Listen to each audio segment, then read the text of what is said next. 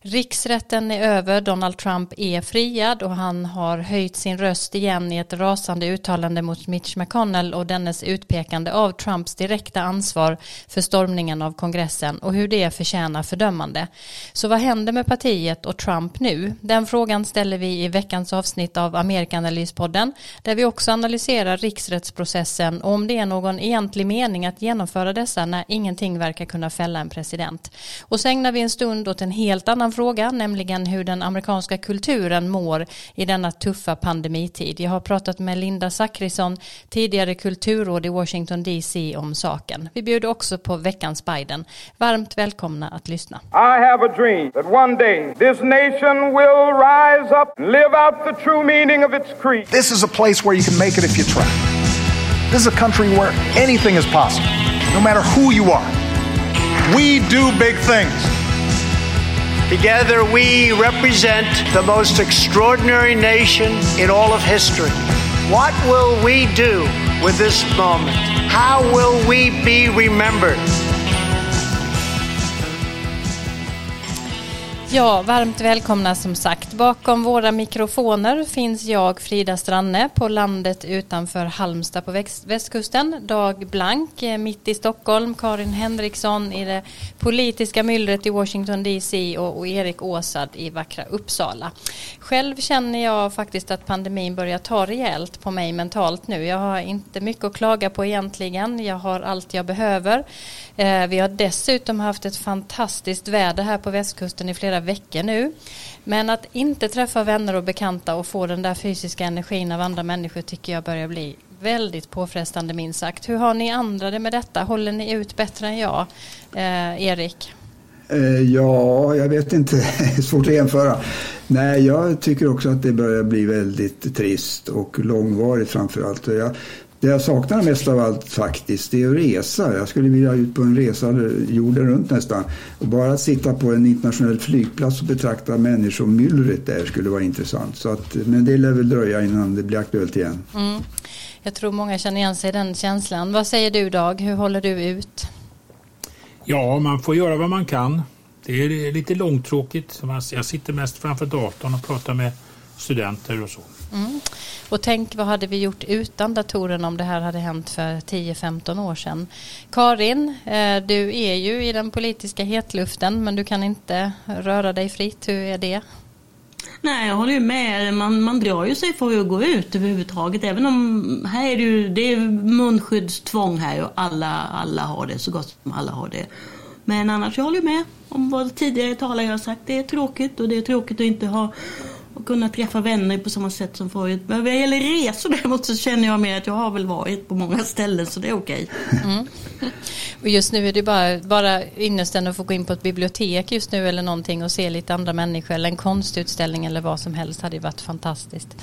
Ja, eh, det har hänt en hel del saker i USA de senaste dygnen Karin. Rush Limbaugh har dött, en viktig röst för konservativa högern i USA. Det är extremväder har jag förstått i Texas och dessutom ett bråk om elnätet och energi som följd. Vad, vad kan man säga om, om allt som händer Karin? Ja, om Rush Limbaugh kan man ju säga att eftermälet är minst lika tudelat som åsikterna om honom var när han levde. Men alla är ens om en sak, att han var en stilbildande radiopratare, otroligt skicklig opinionsbildare och att han bäddade för Donald Trump. Och då om man går över till vädret så är det då rekordkallt och snö och halka och dödsfall och elavbrott i främst Texas. Och även här är det tudelade reaktioner med grundlösa påståenden om att det är miljömupparnas fel att, eh, att de här problemen med, med, med strömavbrott skulle bero på grön omställning. Men eh, det sägs istället att det är naturgasledningar som har frusit och, och att ansvariga bakom det här elnätet inte tar klimatsvängningar, alltså temperatursvängningarna på allvar. Så att, ehm, ja, det brukar ju alltid bli en massa röster om att ja, ja, ja, hur är det med global warming? Men här så ser man då att, att de här köldknäpparna beror på att eh, pol, Nordpolen tydligen värms upp och det gör då att eh, luftmassor, kalla luftmassor pressas längre söderut. Mm. Eh, ja, det kommer fortsätta det pratet kan man tänka sig just utifrån att Biden går på klimatoffensiv också. Det kommer vi tillbaka till. Men vad säger ni andra om eh, Ruff Limbaughs död? Blir det tomrum eller finns det andra företrädare för hans höga tonläge? Dag? Det kommer säkert finnas andra som försöker ta hans plats skulle jag tro. Han representerar ju en betydande opinion. Men samtidigt har han ju varit en alldeles speciell person. Det har ju varit mycket knutet till honom som säkert har fått hans trogna lyssnare att lyssna på honom. Mm. Erik, har du hört mycket av honom genom åren? En hel del faktiskt. Jag minns ett tillfälle när jag var i USA på, i jag tror det var Connecticut. Vi bodde i en bed and breakfast hos ett väldigt trevligt gammalt par. Och de, de gillade Rush Limbaugh. Så de hade, minst under middagen där så fick de avvika. För åh, nu är det Rush på radion. Vi måste lyssna på honom här. Och eh, det var ju jättelänge sedan och han hade ju en väldigt lång karriär. Och det, han, måste, han måste ju säga det att han var skicklig demagog. Alltså väldigt skicklig och han satte tonen för en industri, pratradion, som har växt och blivit väldigt stor och inflytelserik i amerikansk politik. Och han har, som Dag sa här, han har ju fått många efterträdare. Han är långt ifrån ensam, eller var det på slutet. Och fick ju till och med, kommer ni ihåg det för något år sedan, State of the Union, så gav ju Donald Trump eh, honom eh, med, med, med medaljen, vad heter den där medaljen som han fick? Freedom Medal, eller? Mm. Han ja. satt på, han satt på läktaren där och fick detta hedersbetyg. Men då var han ju redan eh, gravt sjuk. Det var förra året väl, var det inte det? Ganska ja. Ja, ja, ja. Nej, jag kan bara lägga till då, vi ska ju tala om Trumps framtid, men det har hänt flera saker som kan få betydelse. Dels då Rush Limbaughs död och sen så har då vapenlobbyn, NRA, både ekonomiska och juridiska problem. Sen är det vikande publiksiffror för Fox News och sen har vi den här stora konservativa konferensen som heter CPAC. Den brukar hållas här i Washingtonområdet. Men nu ska den äga rum i, i Florida, i Orlando i helgen. Och talarlistan domineras så gott som helt av, av Trumps anhängare eller Trumps eh, stödtrupper. Och de flesta är då vita, medelålders eller äldre män. Mm. Intressant. Ehm, innan vi går in på dagens ämne om riksrätt och republikanernas framtid så eh, vill jag också höra lite av dig Karin om vad Biden har sysslat med i bakgrunden av allt ståhej. Vi har ju inte sett eh, jättemycket av honom här när vi blickar mot USA. Nej, på sätt och vis har vi kanske inte sett så mycket av honom här heller. För att det har ju varit riksrätten och eh, vädret och pandemin. Men eh, man kan säga, och så har det ju gått precis en månad kan vi säga. Men eh, samtidigt då så är det många som menar att det var den här veckan som det Bidenska presidentskapet började på allvar. Och han har gått metodiskt tillväga får vi nog lov att säga. Han har rivit upp en massa av Trumps beslut och han har haft telefonsamtal med ledare i andra länder inklusive president Xi i Kina och eh, Benjamin Netanyahu i Israel. Han har besökt viktiga departement och han har bjudit in senatorer till Vita huset och han har utfärdat egna direktiv och idag ska det komma ett förslag om en långtgående invandringsreform. Men framför allt så, så lovar han att alla amerikaner ska ha tillgång till vaccin i slutet av juli. Och så är han ju också upptagen då med förhandlingar om eh, stöd, alltså pandemipaketet. Och eh, slutligen så kan man säga att det har inte varit så mycket kritik hittills utom om skolorna och öppning av skolorna. Men det kommer, det kan vi vara säkra på. Mm.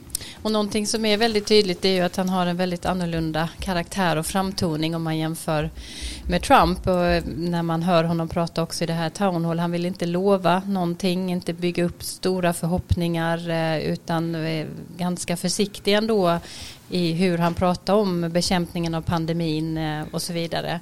Är det bra eller dåligt för honom, tänker ni, att han har fått några veckor på sig att eh, vara lite i bakgrunden, Erik? Eh, ja, jag vet inte om jag tycker att han har varit så mycket i bakgrunden. Jag tycker att han har varit väldigt aktiv. Det var ju en rivstart här med alla de här executive orders. Det var väl drygt 40 sådana. 42 om jag minns rätt sammantaget. Och det är ju med, med råge nytt rekord för en nytillträdd president. Och, eh, sen gick det ju bort en vecka här. Förra veckan gick ju helt bort nyhetsmässigt för honom när det gällde politiken därför att det, det var ju riksrätten som tog upp allt, allt eh, utrymme då. Men eh, Eh, det här som Karin räknade upp, det får man ju säga är mycket aktiviteter, många saker på gång. Så att ehm, det, nu har han den här 100 dagarsperioden som alla kommer att rikta in sig på. Så att jag tycker ändå att han är igång med en massa olika viktiga saker som eh, blir intressant att följa hur han kommer att få igenom dem. Dels samspelet eh, inom det egna partiet men också då gentemot eh, motståndarna i Republikanerna. Mm. Jag tänkte mer på om det var bra för honom att få möjligheter att jobba och göra allt det här som han gör nu utan att ha allt strålkastarljus riktat mot det eller om det är ett problem för honom jag tror att han gillar att ha strålkastarljus på sig. Mm. Det gör alla politiker i stort sett. Så att det var därför tror jag han var väldigt glad att riksrätten tog slut här i lördag. Så att nu kommer agendan att sättas av honom och hans administration istället. Mm. Han höll ju ett town hall som sändes i CNN i tisdags. Varför, gör, varför gjorde han det redan nu och vad framkom egentligen? Något som överraskade Karin? Ja, han skojade själv och sa att det var Anderson Cooper, alltså värd, ankare på CNN som hade bett honom. Men han trädde naturligtvis fram för att mobilisera stöd för i första hand det ekonomiska paketet och visa att han får fart på administrationen. Och jag håller med här vad Erik säger, han har verkligen fått fart. Men jag håller också med Frida att jag tror att det har varit skönt för honom att, att slippa den här ständiga hackandet på allt han gör. Och, eh, för det, det är ju samtidigt så att, att sådana här diskussioner om enskilda ministerkandidater till exempel kan ju vara rätt så negativa och det har han sluppit. Alltså jag tror att han har kunnat ägna sig mer i lugn och ro, jag tror vi har sagt det förut, åt liksom själva regerandet så att säga.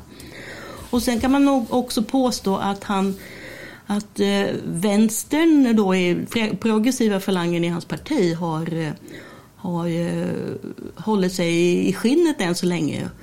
Och också är det många som menar att eh, Bidens förslag till till exempel då kontantutbetalning till folk är populärare än, än Republikanerna. Plus då med vaccinet verkar ju, eller vaccineringarna ska man kanske säga, vaccinationerna har verkligen börjat ta fart. Mm. Det var lite om Biden. Nu går vi över till ett av våra huvudtema.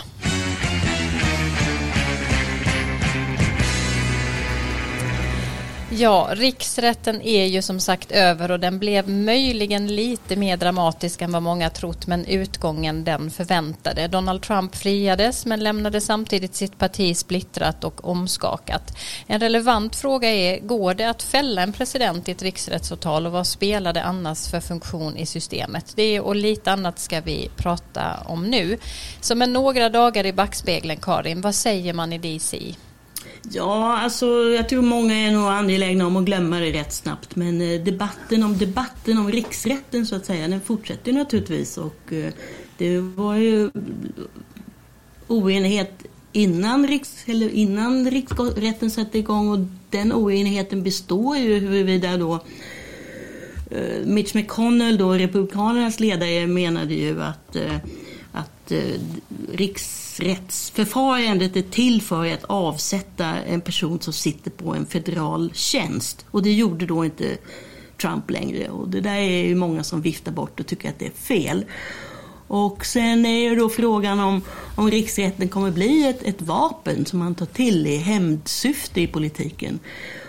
Och det är väl inte säkert för att trots allt så lär det väl dröja ett tag innan någon gjort sig skyldig till något liknande som det som hände den 6 januari Mm. Vi har en liten ljudill här från McConnell.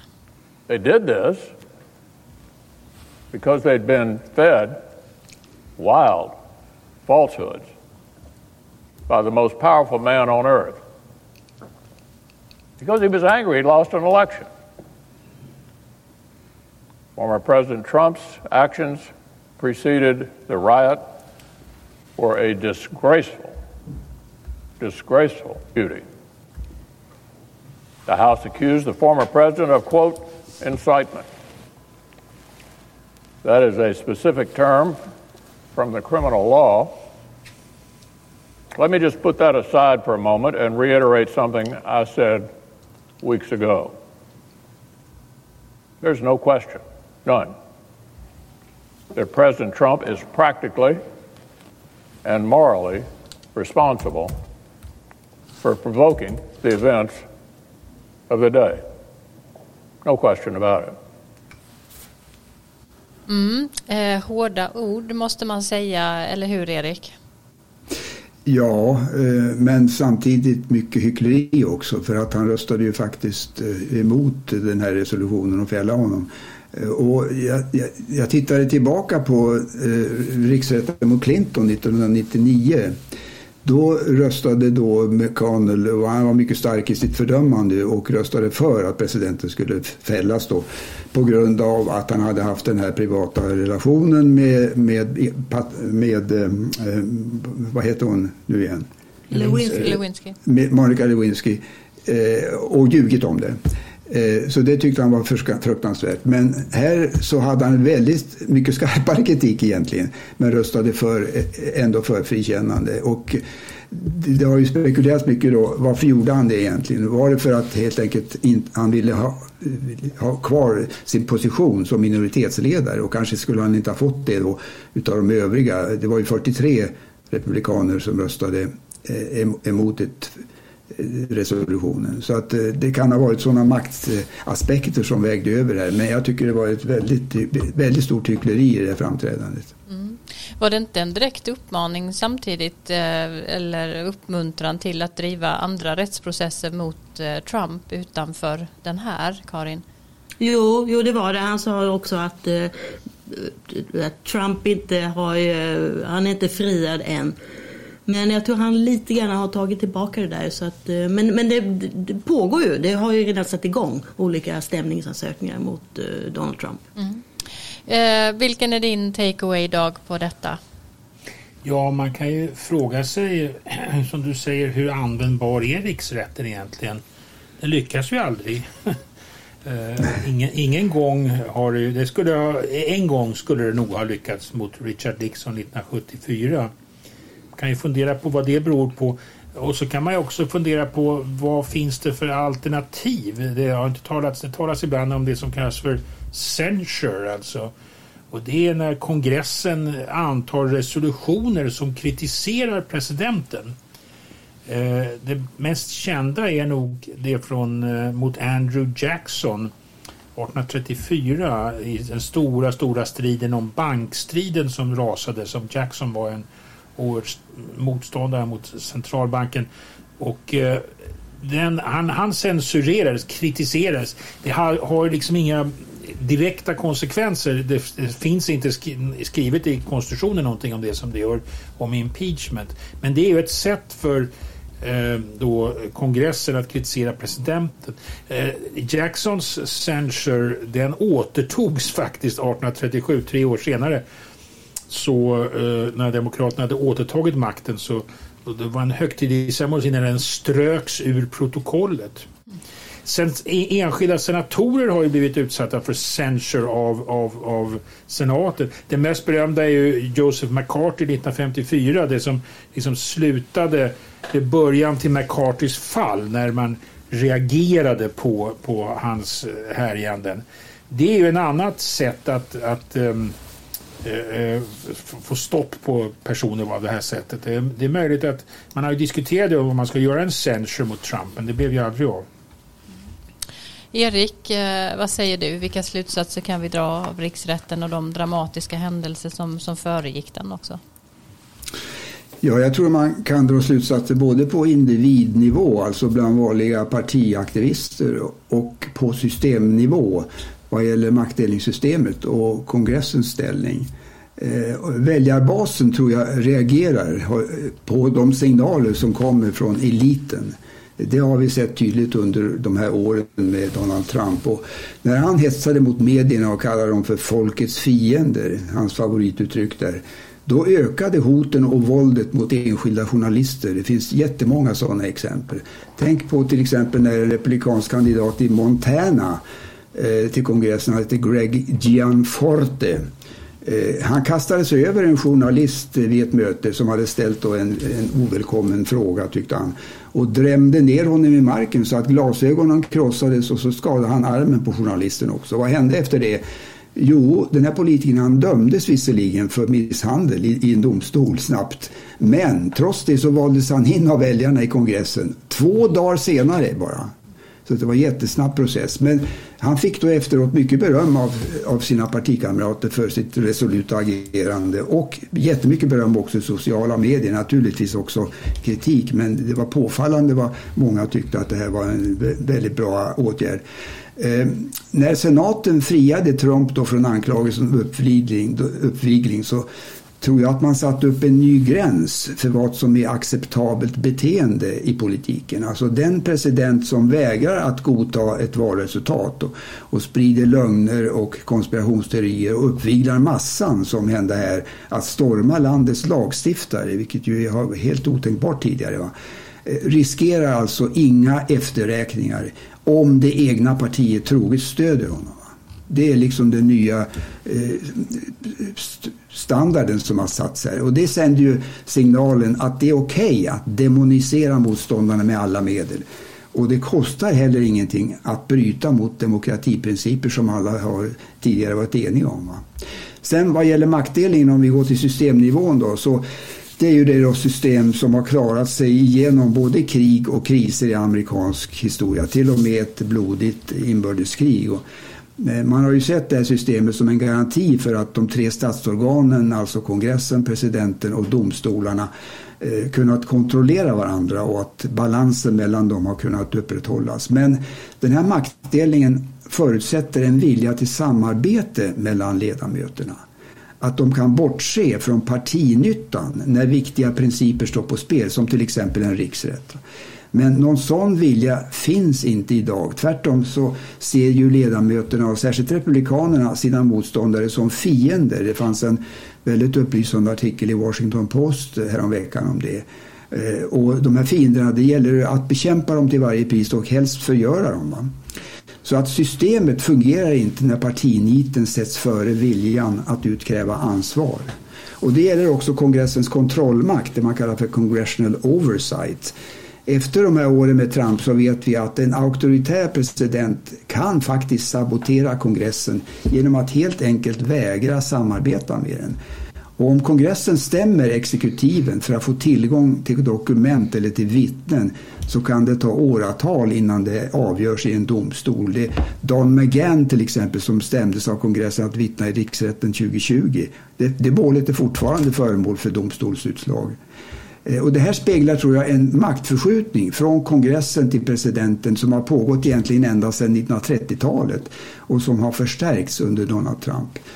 Så för att använda en vädermetafor, vi pratade om vädret här tidigare, så kan man säga att systemet, maktdelningssystemet är byggt för soliga tider, inte för storm. Mm. Men när kongressen beslöt att ställa president Nixon inför riksrätt 1974 så rådde det ju faktiskt också storm, Watergate-affären. Och då fungerade systemet när Nixon tvingades avgå. Ja, precis. Men den politiska situationen och mediesituationen var helt annorlunda då. Polariseringen var mycket mindre, viljan till samarbete var betydligt större Eh, och partitroheten var inte lika stor då som den är idag. Va? Eh, riksrätten 74 som du nämner, det är en bra jämförelsepunkt.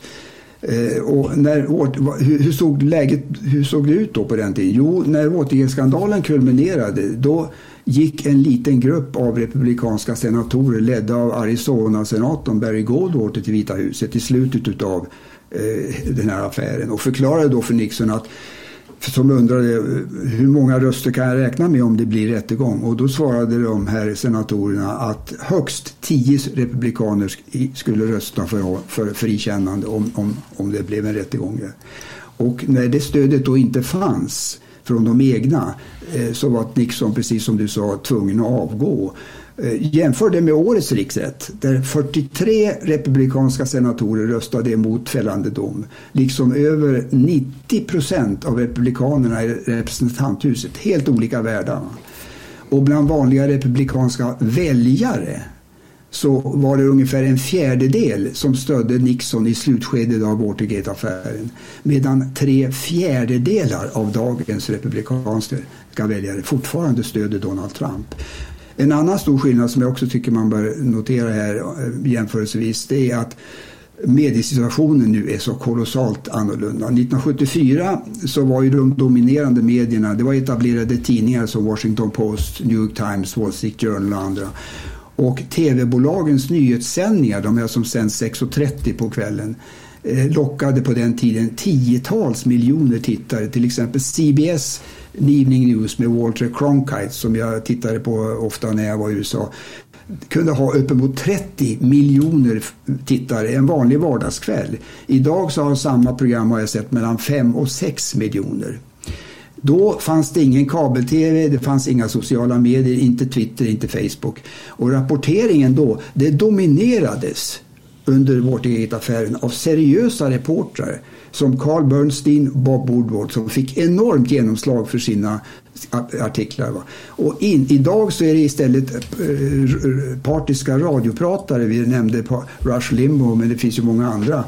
Och eh, eh sådana här figurer som Sean Hannity och Tucker Carlson på Fox News. Det är de som sätter mycket av agendan. Inte ensamma naturligtvis men de har ett väldigt inflytande. Särskilt då över det republikanska partiet. Så att man kan säga, om man ska summera, eh, att systemet klarade krisen 1974 genom flera gynnsamma omständigheter. Men att det, samma system skakade i sina grundvalar, tror jag man kan säga, 2021. Mm. Dag?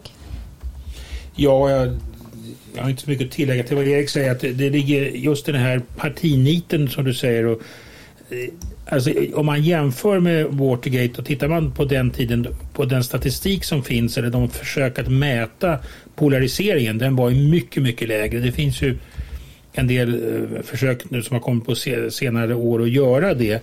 Och, och, och det ser man väldigt tydligt och det tror jag är en förklaring, precis som Erik säger, att, att då fanns den här kompromissviljan, det som systemet förutsätter. Det finns ju perioder i amerikansk historia där det inte har gått. 1850-talet är ett annat sånt eh, bra exempel där splittringen och polariseringen var så stark och där ju faktiskt eh, unionen sprack och inbördeskriget kom. Så det där går kanske i vågor. Man kan försöka komma åt olika tidsperioder där det har varit hög polarisering och, och mindre polarisering. Och när det är hög polarisering, precis som Erik säger, men då, då blir det ju väldigt svårt att göra någonting. Då, då, då går det inte, då, då fungerar inte de här kontrollmekanismerna som finns inbyggda. Nej. Eh, vad, vad, tänker ni då? Blir de här konsekvenserna som ni pratar om nu permanenta eller kan de vara övergående? Kommer vi få se något liknande upprepas i, i framtiden? Erik? Eh, jag, jag, tror, det blir lite spekulativt, men jag tror att vissa saker kommer att leva kvar tyvärr. De här lögnerna som vi har sett eh, blom, blomma under Trump kommer att fortsätta Eh, och det polariserade politiska klimatet ser jag inte hur man ska komma ur som, i, i, i, ett kort perspektiv i alla fall. Och sen kan man ju då göra ett scenario här. Tänk om en politiker som senator Josh Hawley, han var ju en av dem som eldade på den här opinionen, den här massan som stormade Kapitolium. Om han skulle bli Republikanernas presidentkandidat 2024 med stöd just av den, den Trump-falang som finns och som är så dominerande idag i Republikanska partiet och sen förlorar han valet Eh, gör han då som Trump? Eh, vägrar han erkänna sig besegrad och skyller förlusten då på, på ett omfattande valfusk? Eh, med andra ord, har Donald Trump satt en ny standard nu för republikanska politiker åtminstone? Eh, och eh, kommer de att, att efterlikna då hans agerande? Jag hoppas ju inte det och jag kanske tror inte på det heller eh, rimligen. Men man kan ju inte helt utesluta möjligheten när, när nu Trump har gått, för, gått fram här och visat att man kan faktiskt göra på det här sättet som tidigare var otänkbart. Ja, jag håller med Erik. Det, det ser ju väldigt dystert ut men eh, men eh, ja, eh, jag tror samtidigt att det kommer att dröja och fram till dess så handlar det ju om nu att lösa alla aktuella problem. Och här kör jag en lista igen, den är ju väldigt lång. Pandemin, ekonomin, miljön, utrikespolitiken, eh, infrastrukturen, hur det ska bli i Afghanistan med trupper där och det är heller då inte mycket som pekar på, som vi har sagt nu, att det finns någon kompromissvilja, i synnerhet inte då från Trump-falangen i det republikanska partiet. Och jag såg någon siffra idag att det tydligen bara är 25 procent av Trump-väljarna som, som, som kan tänka sig att kompromissa med president Biden. Och det ska jämföras med eh, det republikanska väljare i stort. Och där är den motsvarande siffra 55 procent. Så det bådar ju inte gott. Och sen kommer det bli nu också en väldigt uppslitande debatt om den här regeln som kallas för filibustern. Att man måste ha 60 röster innan man kan sätta streck i debatten. Och den vill ju Demokraterna gärna riva upp så att de kan få lite fart på, på sina förslag, sin lagstiftning. Men det lär knappast hända det heller. Ja, Dag, vad tror du om risken för upprepning? Ja, det är väldigt svårt. Jag, det, jag tycker det är svårt att göra förutsägelser. Men det är klart att det, det, det visar ju att det gick på ett sätt. Han, klar, han vann ju inte, va? men, men man, man har ju satt ett, ett mönster här. Jag, jag får ju gissa att jag skulle tro att det är eh, kanske osannolikt, men man vet ju inte. Jag, jag är väldigt dålig på förutsägelser. Mm. Ja, vi lämnar den här eh, diskussionen om riksrätten. Vi tackar också dig idag Erik. Eh, hoppas att Tackar. du snart är med oss igen, eh, även om du har en hel del annat för dig nu. Och vi går över till någonting helt annat igen.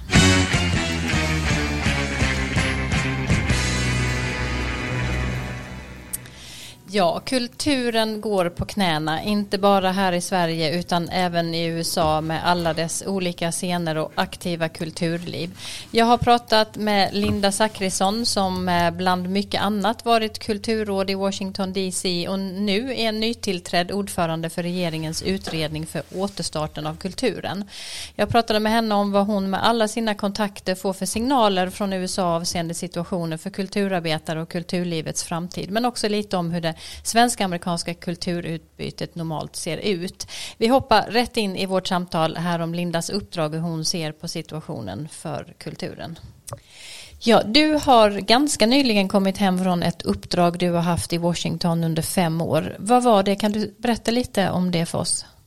Ja, gärna. Jag var kulturråd för Sverige, placerad på ambassaden i Washington DC 2015 till 2020 med uppdrag att främja svensk konst och svenska konstnärer och svensk kultur och Sverige över hela landet eh, i alla genrer. Mm, vilket fantastiskt spännande uppdrag. Mm. Um, Ja, du kan ju då också mycket om amerikansk kultur givetvis och pandemin har ju slagit hårt mot kulturen i hela världen, kanske inte minst eh, USA med så många olika scener. Vad hör mm. du från dina kontakter om, om eh, det nuvarande läget? Alltså, det finns ju inga omskrivningar. Eh, det är helt enkelt oerhört tufft. Det är en eh, enorm arbetslöshet som sprider sig.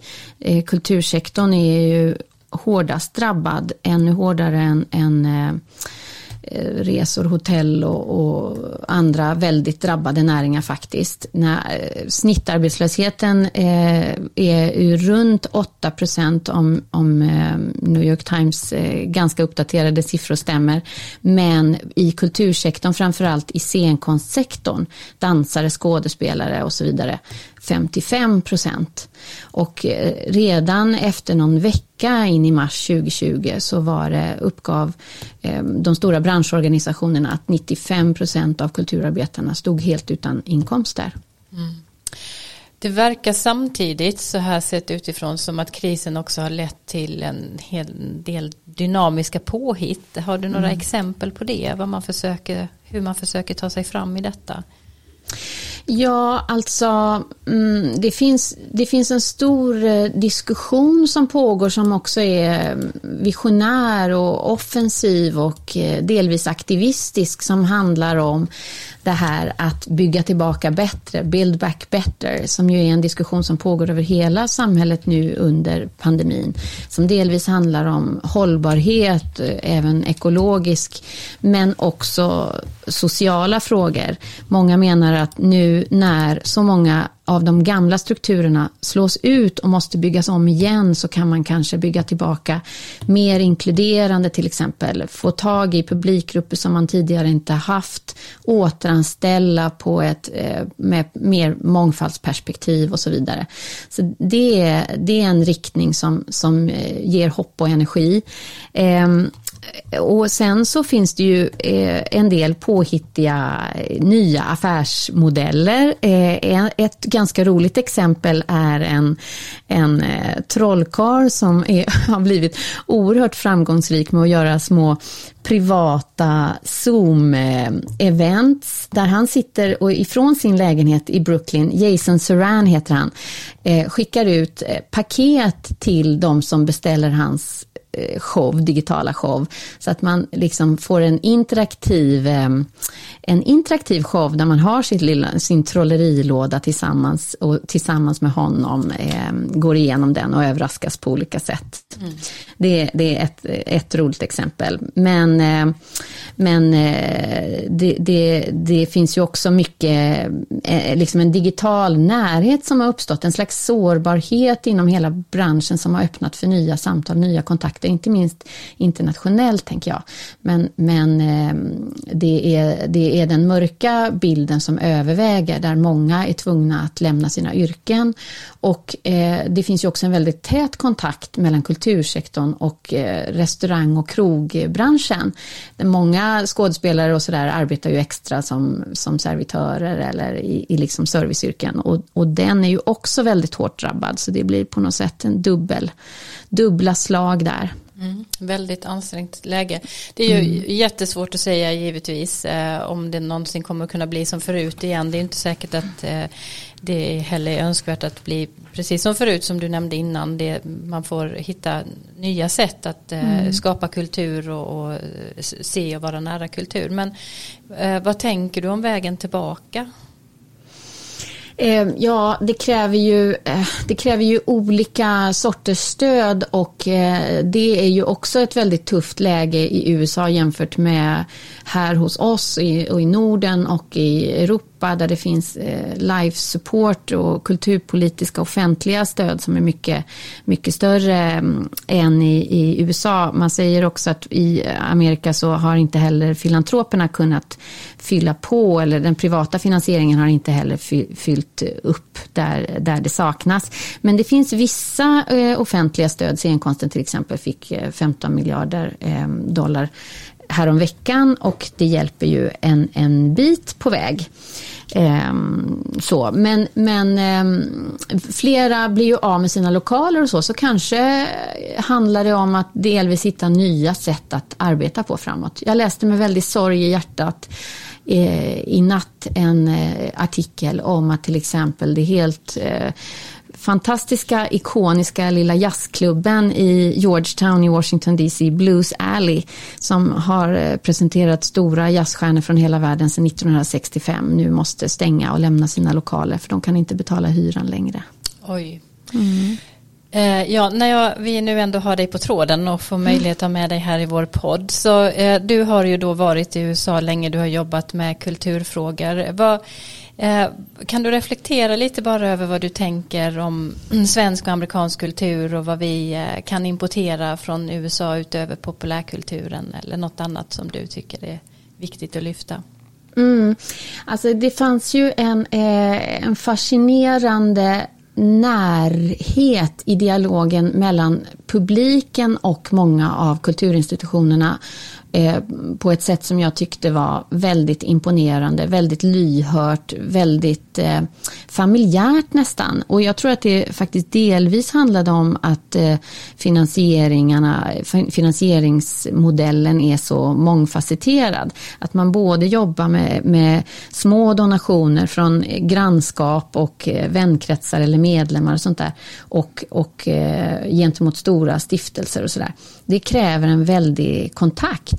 Det som också var roligt var att det fanns en, en, en väldigt snabbfotad eh, energi i stora delar av, av kultursektorn där eh, en god idé kunde liksom slå sig in i en planeringshorisont mycket snabbare än, än vad jag oftast upplever faktiskt i Sverige.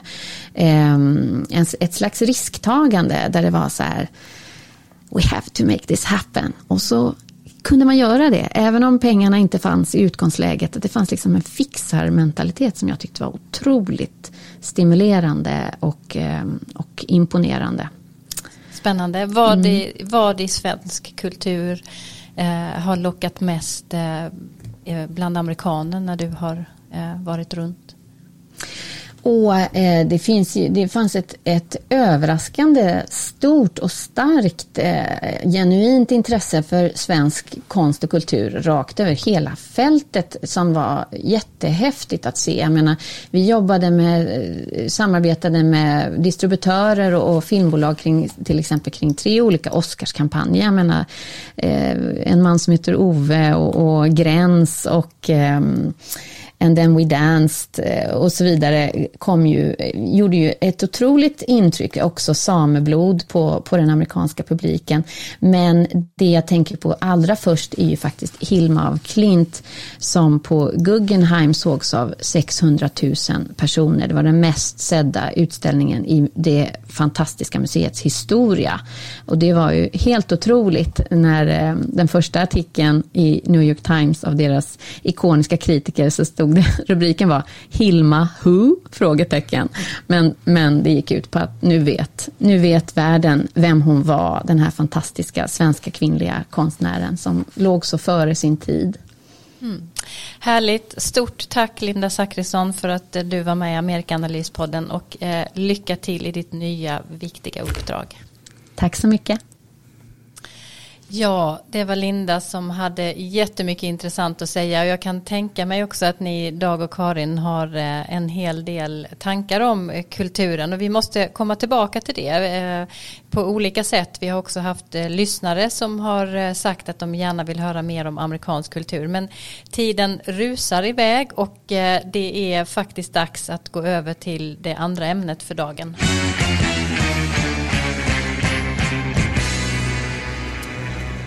Med riksrätten bakom oss, en före detta president Trump som inte vill erkänna sin valförlust och vars ego man kan tänka sig längta nu efter ny bekräftelse och som troligtvis också eh, vill hämnas på de han tycker har svikit honom. Och dessutom ett republik eh, republikanskt parti som skakats om efter stormningen av kongressbyggnaden. Eh, men som också har en väljarkrets som till stora delar älskar Trumps politik som vi hörde Erik prata om inte minst alldeles nyligen. Så kan man fråga sig vad som väntar runt hörnet ämnet. Eh, vad ska hända med partiet? Eh, vad eh, vill partiföreträdare och vad vill väljarna? Vad kommer de att kräva? Det ska vi nysta i lite nu och kanske kan du Karin ge en, en liten bild av var man står? Ja, det republikanska partiet är splittrat och eh, om man nu ska ta till de gamla slitna krigsmetaforerna så kan man gott och väl kalla det för ett inbördeskrig. Och där står då trumpisterna mot, i brist på kanske bättre namn, McConnellisterna eller Kinsingeristerna eller Cheneyisterna på andra sidan. Och de två namnen, de två sista, sista namnen är då Adam Kinzinger och Liz Cheney som båda är republikanska ledamöter i representanthuset och de har starkt gått emot Trump. Men som vi har sagt nu flera gånger, Trump förblir oerhört populär bland de republikanska väljarna och han är betydligt populärare än Mitch McConnell. Men samtidigt är det McConnell som har makt. Han eh, sitter nu på sex år. Han vann, till skillnad från Trump, vann han omval i Kentucky i november. Och eh, han har då väldigt tydligt låtit förstå att han är livrädd för att partiet skulle tas över av Trump och då underförstått eh, grupperingar som Qanon och Proud Boys. Mm. Du har ju både skrivit och pratat eh, flera gånger, bland annat på vår blogg eh, amerikanalys.se, eh, om att du tror att Trump inte kommer att spela någon större roll framåt. Att han, när han nu tappat det rampljuset som följer med en president, inte kommer att utgöra ett riktigt hot. Vill du utveckla det? Ja, alltså vi får naturligtvis se, men jag kan då säga att jag är inte ensam om den åsikten. Det är många kommentatorer eh, som säger rent ut, till exempel Karl Rove eh, senast i dag, torsdag i Wall Street Journal och andra som uttrycker det helt enkelt som att Donald Trump kommer aldrig mer att vinna ett val. Och sen så kommer det också visa sig om trumpismen är en kult, vilket ju mycket tyder på. Och där säger historien att, kultur, att kulter är uppbyggda kring en person, en ledarfigur. Och när han, eller hon, det har det också varit några gånger, försvinner så tinar kulten bort. Och också Donald Trump har nu varit ute lite då och kommenterat flera gånger igår efter budet om Rush Limbaughs död. Och han pratar på, dels som om han fortfarande var president och också säger att han vann valet. Och någonstans måste ändå folk tröttna på det tror jag. Och sen kan man också definitivt säga att etablissemanget då, citattecken, eller never, bland never Trumpers, så är mothugget större än någonsin. Men som återgår till det, ute i landet är han ju stark då i lokala partikretsar. Och det finns exempel på att man har eh, fattat beslut om att, ge formella reprimander eller utdela formella reprimander till senatorer och, och ledamöter i representanthuset och röstade emot Trump. Och Trump har ju också trätt fram och sagt att han tänker eh, hitta primärvalskandidater som utmanar de här eh, de här eh, sittande, idag sittande ledamöterna. Så det, det, det är bäddat för mer strid. Mm. Vad säger du om saken Dag?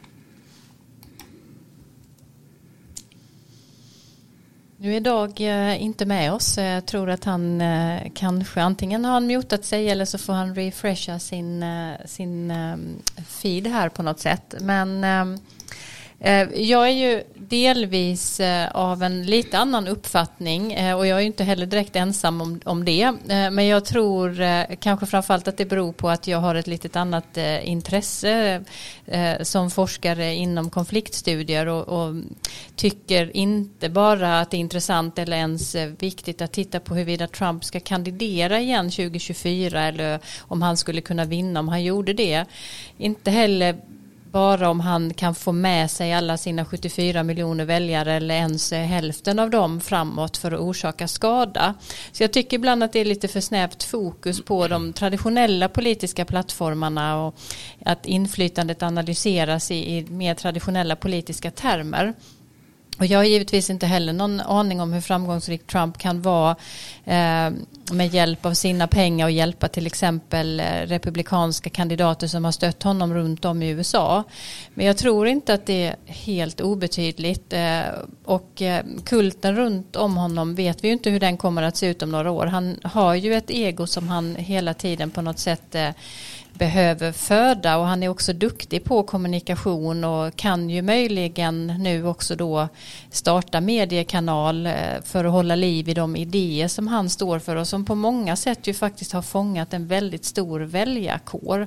Väldigt ehm, eh, tydlig vit nationalism som blandas med extrema värdekonservativa och ekonomiska idéer och som eh, många personer också är beredda att plocka upp eftersom väljarstödet har visat sig var så massivt under hela hans presidentperiod. Så eh, jag tänker att man inte bara ska fokusera på huruvida han är en kandidat för partiet om fyra år utan hur mycket han kan föda de konflikter som finns. För att det amerikanska samhället skulle ju må väl av en Eh, mer av samförstånd över partigränser och, och mindre konfliktytor och, och, jag är rädd att han verkligen kommer att kunna hålla liv i eh, konflikterna och ha tillräckligt många miljoner människor med sig för att eh, spela en politisk roll om än i, från ett annat håll. Eh, Dag, är du med oss igen?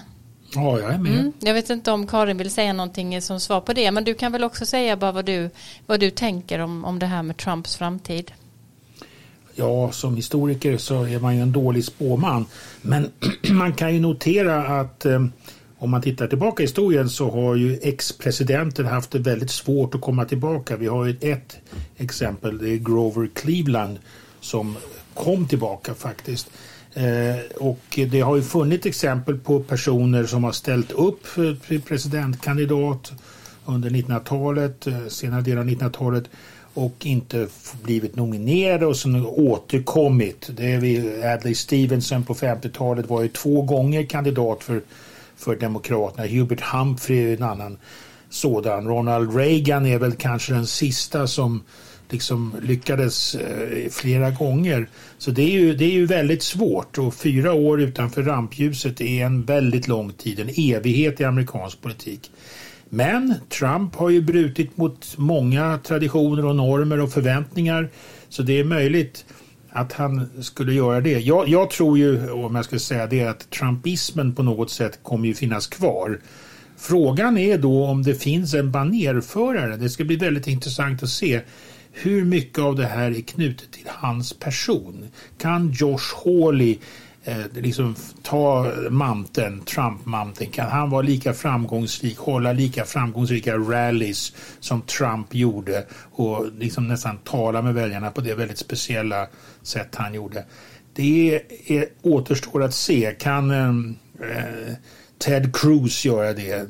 Tvivlar jag på om jag ska säga någonting. Men det är en annan faktor, liksom hur mycket individen Trump har betytt för det här.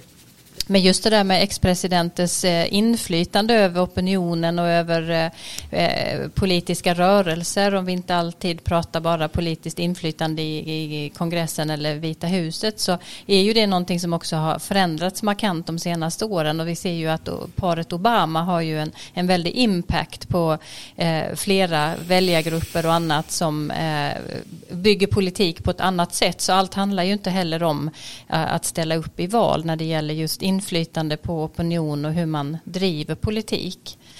Vill du säga någonting mer Karin, lite ja, snabbt om det? Alltså, kanske sån här typisk Washington-kommentar. Att visst, det handlar väldigt mycket om strömningar och det handlar ju om eh, känslor och i Trumps fall då om att föda de här, det här missnöjet som finns. Men till syvende och sist är det ju ändå fråga om makt och om möjlighet att fatta beslut i den politiska församlingen. Och det är ju kongressen och det finns bara två partier. Och en sanning nu är ju att det republikanska partiet kan troligen inte vinna med bara Trump-väljare. Så att de, det är därför som Mitch McConnell är så orolig. Han vill ju först och främst återta majoriteten i, i senaten och sen vill han naturligtvis väldigt gärna att det ska bli en republikansk president efter 2024. Och eh, där finns ju nu risken att Trump ändå stoppar eh, eventuella kronprinsar och kronprinsessor precis på samma sätt som Hillary Clinton gjorde så att det, efter Obama. Så det, det, är mycket som, som står på spel här. Mm. I veckan så pratade jag med en av mina republikanska vänner i DC och när jag eh, frågade om utvecklingen just i, i GOP framåt så menade han att eh, Trump Eh, kan ha blivit för radioactive som han sa för att vinna igen och han var också osäker på om Trumps falang i partiet eh, kan förbli starkt utan honom precis som vi har resonerat om, om här. Han tror inte det men säger samtidigt också att han har haft fel förr. Intressant är däremot att han eh, när vi pratades vid pekar på att det finns en god chans för en mer mainstream republikan att plocka hem poäng bland väljare i förorterna där han menar att Trump-falangen har tappat stöd men som inte heller är, är väljare som är vad han sa sold on the, uh, sold on the Democrats vision of lefty racial politics and near religious fervor for climate change all the time. Vad tänker du om det Karin? Nej, det är säkert möjligt. Och, eh, men jag tror också att det kommer bero på hur framgångsrik Joe Biden blir nu. Och här kan man då komma ihåg att Republikanerna är väldigt skickliga på att utmåla Biden och Demokraterna som socialister eller kommunister. Och det kommer de nu att fortsätta med. De kommer förmodligen, när de nu har enats efter den här riksrätten och, och det som pågår nu så kommer återigen en sån här Washington-kommentar så kommer då politikerna i Washington, republikanska, republikanska politikerna i Washington kommer nu helt inrikta sig på och försöka stoppa Bidens politik och då stämpla den som The Squad AOC, alltså Green New Deal som bara kommer kosta pengar och kosta jobb. Så det har vi framför oss, tror jag. Mm. Jag frågade även honom om vad chansen är att Republikanerna ska bli ett konstruktivt oppositionsparti. Och på det svarade han att det är troligt att de snarare kommer att fortsätta att slåss inom partiet och att även om det ser elakt och destruktivt ut i, i media så handlar det mer om, om att testa olika budskap för väljare för att se vad som kommer att bli ett vinnande koncept. Så går det till menar han att mejsla fram vinnande kandidater och han tycker att det ska de omfamna den processen för att kunna vinna mellanårsvalet och så småningom också nästa presidentval. Däremot sa han lite förvånande att det finns mycket som talar för att vi kommer få se mer samarbete över partigränserna. Vi har ju alla sagt att vi eh, eh inte ser den eh, vägen framåt riktigt. Det finns flera tecken menade han på att vi har en framväxande så kallade bipartisanship. Biden har fått stort stöd bland annat eh, av republikaner för sina utnämningar och båda partierna har en gemensam syn på att skapa tuffare politik mot, mot Kina bland annat och det finns vissa förenande aspekter här som han menade kan vara någonting att bygga på. Vad, vad tänker du om, om det Karin? Ja, jag får fortsätta här på min skeptiska linje när det gäller samförståndsanda men, eh, men det är ju möjligt, alltså Joe Biden känner ju en mycket, eller hyser mycket större respekt för kongressen än de tidigare presidenterna har gjort. Såväl Obama som Bush och Trump. Så han kanske kan lirka lite mer med, med ledamöterna på, på ett nytt och annorlunda sätt och mer, mer konstruktivt. får mm. vi se. Ja, det är spännande. Frågan många ställer sig också, som jag ser eh, många här i olika sociala trådar, det är om, om det kan bli ett eh, nytt parti, om, det, om eh, Republikanerna kan splittras, att vi då får se framväxten av, av två falanger. Det politiska systemet i USA är ju inte gynnsamt för nya partier att de ska få någon större politisk roll, men är förutsättningarna möjligtvis annorlunda nu? Vad tror, vad tror du Dag? Får vi, får vi se ett nytt parti? Ja, om vi får se det så tror jag inte det kommer vara så framgångsrikt. Nya partier, det är väldigt svårt för dem att slå igenom, precis som du säger. Och det beror ju på det politiska systemet. Men eh, man, det var eh, Tom Edsel som man kan läsa med stort nöje i New York Times. jag tycker han är de bästa analytikerna. Han hade en artikel häromdagen där han tog upp den här frågan lite grann men han ställde sig frågan vad skulle hända om USA hade ett proportionellt valsystem? Om man inte hade det här politiska systemet som du sa Frida som stoppar nya partier. Man hade mera ett, ett, ett svenskt system. Och då skulle han, menade han, att vi skulle få en helt annan situation. Han menar att vi skulle då ha ett högernationalistiskt parti av europeiskt snitt. Det skulle vara MAGA, Make America Great, eh, Trump-supporterna. Eh, Eh, påminner oss kanske Le Pen i Frankrike eller Sverigedemokraterna i Sverige. Men han skulle bara få 19 procent. Sen säger han att man skulle få ett traditionellt högerparti som gamla republikanerna GOP. Det skulle få 21 procent enligt ett antal undersökningar och, och spekulationer. Sen menar han att man skulle få ett center left party Alltså det progressiva grenen inom Republikanerna, eh, Demokraterna, Universal Healthcare, facket, höjda skatter 30 procent, 28 procent. Sen menar han att man skulle få vad han kallar för a cultural liberal and globalist party. Så, som har minoritetsfrågor, frihandel, men som vill reformera kapitalismen med sensible regulation, 12 procent. Och sen ett grönt parti på 10 procent.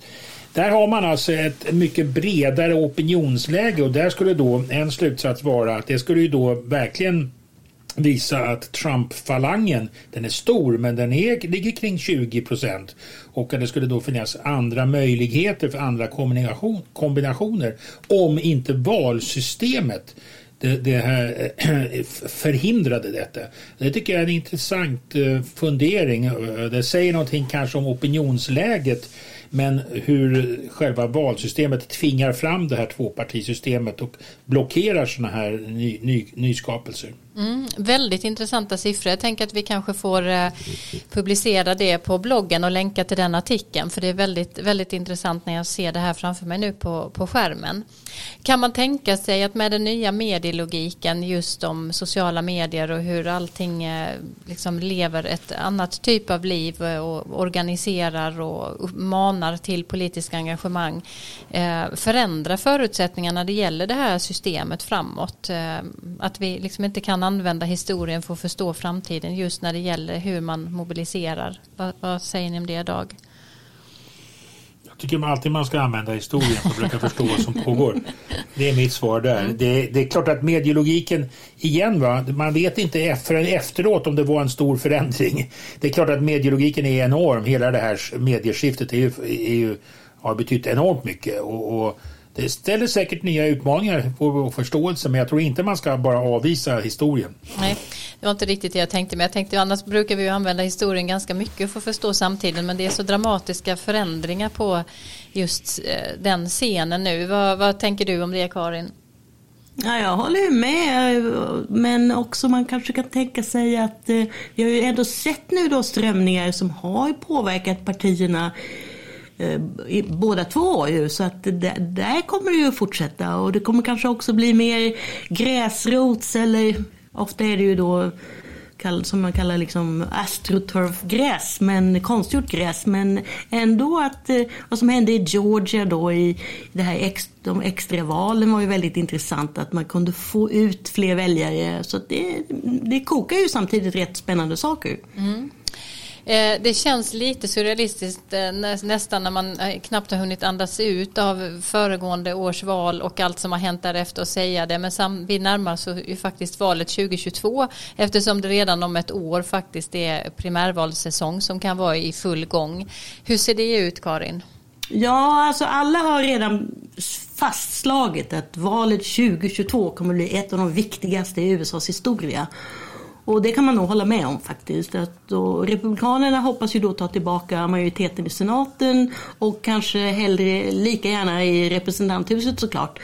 Och McConnell han säger att han inte bryr sig om kandidaternas åsikter, fast det kan vi kanske ha lite olika åsikter om. Men eh, för honom är det viktigt att de är valbara. Och eh, den sittande presidentens parti brukar ju normalt gå tillbaka i de här mellanårsvalen. Så det ser ju då i så fall mörkt ut för Joe Biden. Men å andra sidan så gav ju de här segrarna då i Georgia Demokraterna blodad tand och eh, Stacey Abrams som i hög grad låg bakom eh, strategin kan man säga i Georgia är säkert fullt upptagen med att titta på bland annat North Carolina som är en av de mm. delstater där de hoppas kunna knipa en senatsplats. Mm. Jag vet inte om vår historiker vill eh, kommentera det här med att 2022 blir det viktigaste valet i historien. Ja, det blir ett viktigt val. Eh, men man kan ju notera att när det gäller senaten så försvarar ju republikanerna ganska många platser där. Så att demokraterna har ju ett eh, de har ju en, de har ju en uppförsbacke, republikanerna där, så att de mm. kan förlora där. Ja, vi lär komma tillbaka till dig. Själv vilar jag gärna lite till eh, innan vi pratar mer om nästa val eh, efter den här hösten och vintern. Eh, vi ska avsluta den här podden med en snabb blick på veckans Biden. Vi har ju bytt ut veckans Trump mot veckans Biden och har valt ut en replik från de första veckorna med den nya presidenten och det lät så här. New that we're doing here other than restoring the Affordable Care Act and restoring the Medicaid to the way it was before Trump became president, which by fiat he changed, made more inaccessible, more expensive, and more difficult for people to qualify for either of those two items, the Affordable Care Act or Medicaid. Ja, Karin, du får säga vad det här var. Ja, det var den dagen när han undertecknade det så kallade presidentordet om att återställa det som kallas för Obamacare, det vill säga vårdreformen 2010 som vad ska man säga, stadfästet 2010 eh, som då Barack Obama och vicepresident Joe Biden hade baxat igenom.